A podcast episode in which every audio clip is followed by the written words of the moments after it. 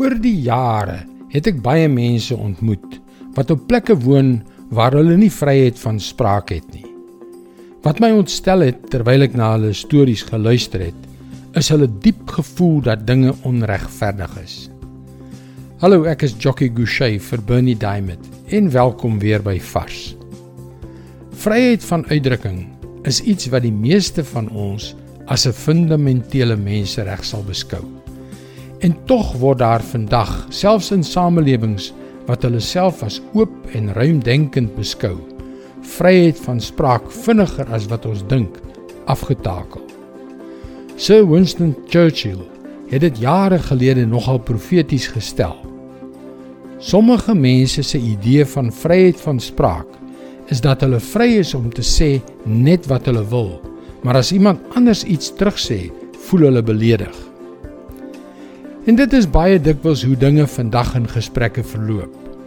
Ja, waar die een groep mense dink net hulle is reg, het beskaafdheid, liefde en begrip so te sê verdwyn. Die diskurs handel dikwels oor Christendom, oor jou en my geloof in Jesus en oor die dinge wat God reg en verkeerd noem. Die opponerende magte probeer ons blokkeer. Hulle wil ons verhoed om die waarheid te praat. Nou, hoe reageer ons dan? Deur terug te skree? Ek dink nie so nie. Jesus sê in Matteus 7 vers 12: Doen vir ander alles wat julle graag wil hê hulle vir julle sal doen. Dit is die kern van die wet en die profete. Dink mooi.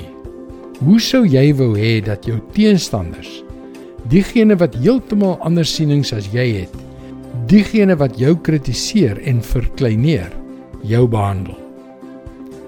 Wel, jy het gehoor hoe Jesus wil hê jy moet hulle behandel.